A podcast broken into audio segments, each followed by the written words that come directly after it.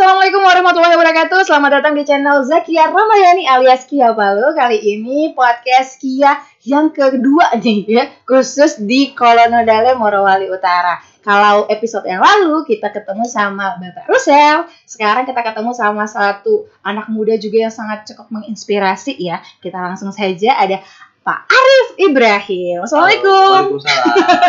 Thank you banget ya, Ya. udah mau ngobrol di sini. Mungkin dipaksa Pak Rusel enggak ya?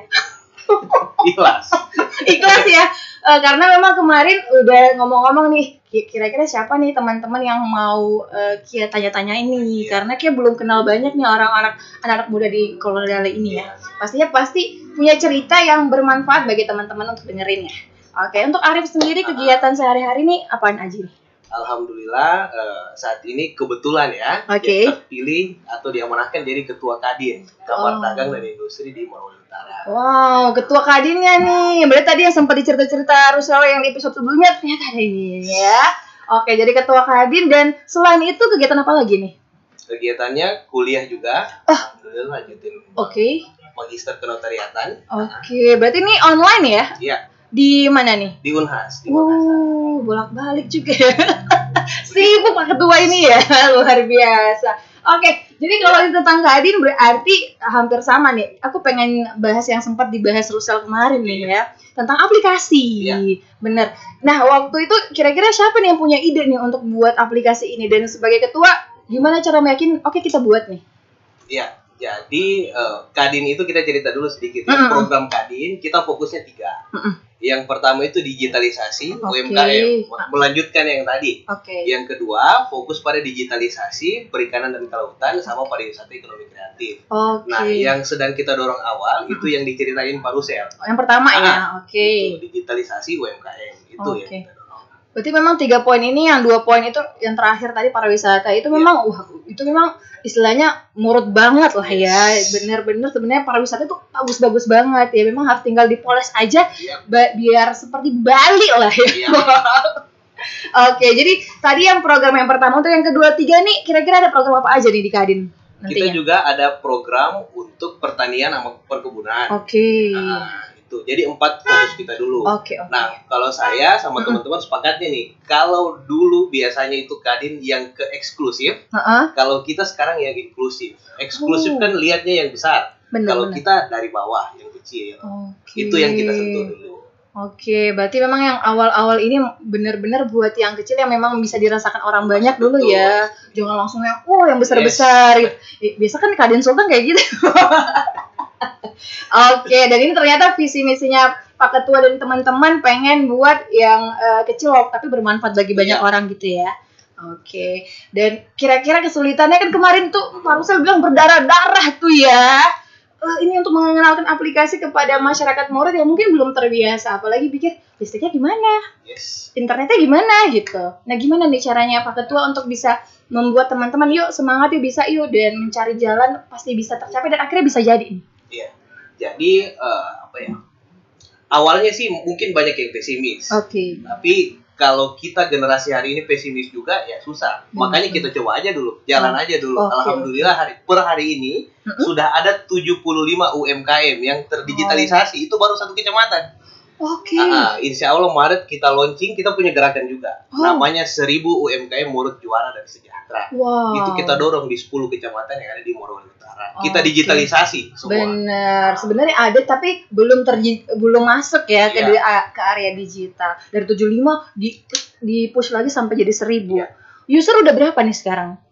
Pengguna udah hampir 2000. Wow, udah lumayan 2000, banyak iya. banget ya. Baru satu kecamatan. Wow. Nah, ini Morut banyak loh kecamatannya ya. 10 kecamatan. 10. Hmm. Baru satu aja dan udah terasa banget manfaatnya benar. Oke. Dan ini tantangan banget ya eh, kalau dari Arif sendiri nih secara pribadi. Kita kan anak-anak muda ini yang sebenarnya dunianya kan berbeda banget dengan orang tua. Generasi. generasi sebelumnya ya bukan dibilang kita sok pintar tapi memang dunianya udah berbeda caranya untuk komunikasi ke orang tua pun agak su- susah banget Iya. bagaimana cara ketua untuk meyakini khususnya pemerintah bahwa ini bisa berjalan dengan baik Iya, jadi kan gini, kalau kita lihat di lapangan itu, ini saya kemarin barusan program eh, GAP Mm-mm. sama petani. Oke. Kan ini kita konteks petani sama UMKM. Jadi kita mulai tuh dari awalnya kan modal. Mm-mm. Makanya Kadin juga sudah komunikasi sama salah satu bank itu yang bersedia jadi mitra kita. Modal Oke, dihadirkan. Yang oke. kedua, pelaku usaha. Iya. Pelaku usaha ini siap sekali. Oke. Yang ketiga ini yang masih kurang yang belum dipikirkan itu pasar. Pasar. Alhamdulillah karena kita milenial, makanya kan kita dorong tuh. Kadin hari ini dorong untuk pasar digital.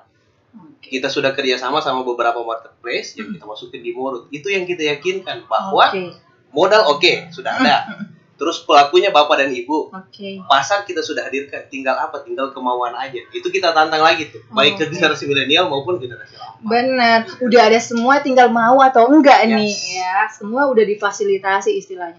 Nah, ngomong-ngomong nih Arif, emang dari dulu pernah punya cita-cita ya jadi ketua kadin atau gimana nih? Penasaran ya. Kita flashback ke zaman sekolah dulu ya. Iya. Waktu zaman sekolah tuh cita-citanya pengen jadi apa? Gimana ya? Jadi waktu zaman sekolah dulu itu, Ah, ah. SMA itu saya dirantaukan. Oh, dipaksa ya. Kalau tadi Rusa ingin pergi, ini dipaksa ya, disuruh kau harus pergi merantau. Dirantau kan kenapa? dirantaukan ke Makassar Oke. biar belajar mandiri apalagi saya anak pertama kan biar bisa Oke. belajar lah ceritanya fight di kampung orang Oke, jadi bisa lihat dunia luar ya. Ya. Benar. Udah dari SMA tuh. dari SMA Oke, perasaan dulu gimana tuh aku di aku dipaksa atau aku dibuang atau gimana nih? Kan biasa zaman SMA kayak gitu ya. Atau gimana perasaan kalau dulu? dulu kan saya berpikir kok saya dikasih rantau Mm-mm. dibuang tapi Iya. hari ini ternyata saya sadar Oke. semua itu ada hikmahnya kalau Benar. saya mungkin dulu tidak ke Makassar mungkin saya tidak jadi Arif seperti hari ini Betul. alhamdulillah juga waktu dirantaukan itu pas kuliah diamanahkan juga Oh. jadi ketua mahasiswa Wow. Iya. Berarti presiden mahasiswa nih ya? ya, di Wey. eh, lingkup Sulteng Morut dan Sulteng Oke, jadi dari awalnya memang mungkin ini doa orang tua juga ya, Ya. niat baiknya orang tua. Walaupun kita sebagai anak, ini apaan sih sih kita harus kayak gini ya? Ternyata baru sadar, oh ternyata manfaatnya kayak gini ya. Kita bisa lihat orang luar, bisa kayak banyak ya istilah inspirasi-inspirasi dari luar. Ya. Terus dari SMA, terus kuliahnya langsung ambil apa tuh?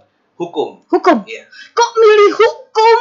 Kenapa tuh dulu Kalau milihnya saya hukum? dulu waktu dulu ya, Ya. mikirnya kebetulan di keluarga saya itu nggak ada yang hukum, rata-rata ekonomi, Oke. kesehatan. Saya mau beda anti mainstream. Wow, pokoknya beda aja nih ya, biar orang tua nggak paham nih ya. Biasa kayak gitu ya, aku ambil yang yang nggak- yang gak apa mereka mengerti aja biar nggak diatur-atur, gitu kan? Oh kenapa milihnya hukum kan banyak fakultas yang lain, jurusan-jurusan yang lain. Kebetulan saya senang tuh baca-baca pasal-pasal. Oh, senang anda ya. Saya susah ya. Memang ya beda-beda ya passionnya. Pada suka baca aturan-aturan gitu ya. Wow, dan itu akhirnya apa momentum yang waktu mungkin SMA tuh kayaknya aku harus ambil hukum nih ya. Kayaknya aku harus ambil. Itu kapan tuh? Terinspirasi dari mana tuh? Ya datang gitu aja. Datang itu aja ya? Kan saya dulu maunya IPDN, cuman belum takdirnya. Oh. Akhirnya yang ya agak ke arah situ lah Tahu. soal aturan dan lain. Oke, nggak ke IPDN. Oke, kayaknya ini teman-temannya nih ya bisa lah ya untuk urusan hukum ya. Dan itu bisa bertahan juga, fight juga ya. Oke, dan akhirnya S2-nya ini ambil Kenotariatan, Wah, notaris. tetap juga ya lanjut ya. Oke teman-teman ya sebelum kita lanjut ngobrolnya kita minum dulu nih ya. Ini dari Fats Kitchen. Jadi teman-teman kalau di Kolonel Dali Morowali Utara, kalau sempet jalan-jalan kemarin jangan lupa mampir ke Fats Kitchen. Minum aja dulu deh. Oke. Ya udah haus ya. Ini Kia punya yang eh, bukan kopi ya. Ini kopi. Mm-mm. Ini ada banyak varian. Kalau teman-teman suka yang kopi, eh, bisa yang panas, bisa yang dingin juga. Terus juga ada yang taro, red velvet, pokoknya banyak macam. Jangan lupa untuk jalan-jalan dan mampir untuk beli di Fats Kitchen. Lanjut lagi nih. Oke, jadi setelah eh, banyak tadi yang diceritain ya, akhirnya lika-liku dari Makassar yang tadinya dibuang ternyata memang disuruh merantau dan akhirnya milih jurusan hukum ya. Dan akhirnya sekarang lanjut lagi ke S2 nih ya. Cita-cita yang utamanya sih dari hukum ini pengen memang jadi notaris atau gimana nih? Iya. Eh, pengen memang jadi notaris. Notaris. Inspirasinya dari siapa tuh? Aku pengen kayak notaris ini atau dari mana tuh? Ada sih. Nggak. Ngalir gitu aja ya. Oke, ambil hukum ternyata oh kayaknya hukum ini bisa jadi pengacara atau notaris. Kan ada dua pilihan nih. Iya. Kenapa milihnya notaris dibanding Karena pengacara? waktu S1-nya kan perdata, Mm-mm. lebih ke apa? Ke notaris gitu. Oke, lebih fokus ke situ ya. Kayaknya lebih tenang juga kayaknya. Karena memang pengacara itu luar biasa sih tantangannya ya, bener ya. Karena teman-teman aku pengacara, wah, wah tantangannya itu setiap permasalahan itu kayak punya ini sendiri nih tantangannya masing-masing. Oke, dari notaris eh, akhirnya sekarang terpilih jadi ketua kadin Iya. dan katanya di hipnya juga nih iya ya Iya. oke bisa ceritain eh, awalnya dulu hipmi yang duluan ada atau kadin dulu nih di Morut Kalau di mulut hipinya duluan ada. Oke. Terus kadinnya. Ini baru yang pertama, hipmi baru yang pertama. Oh, oke. Kadin juga baru yang.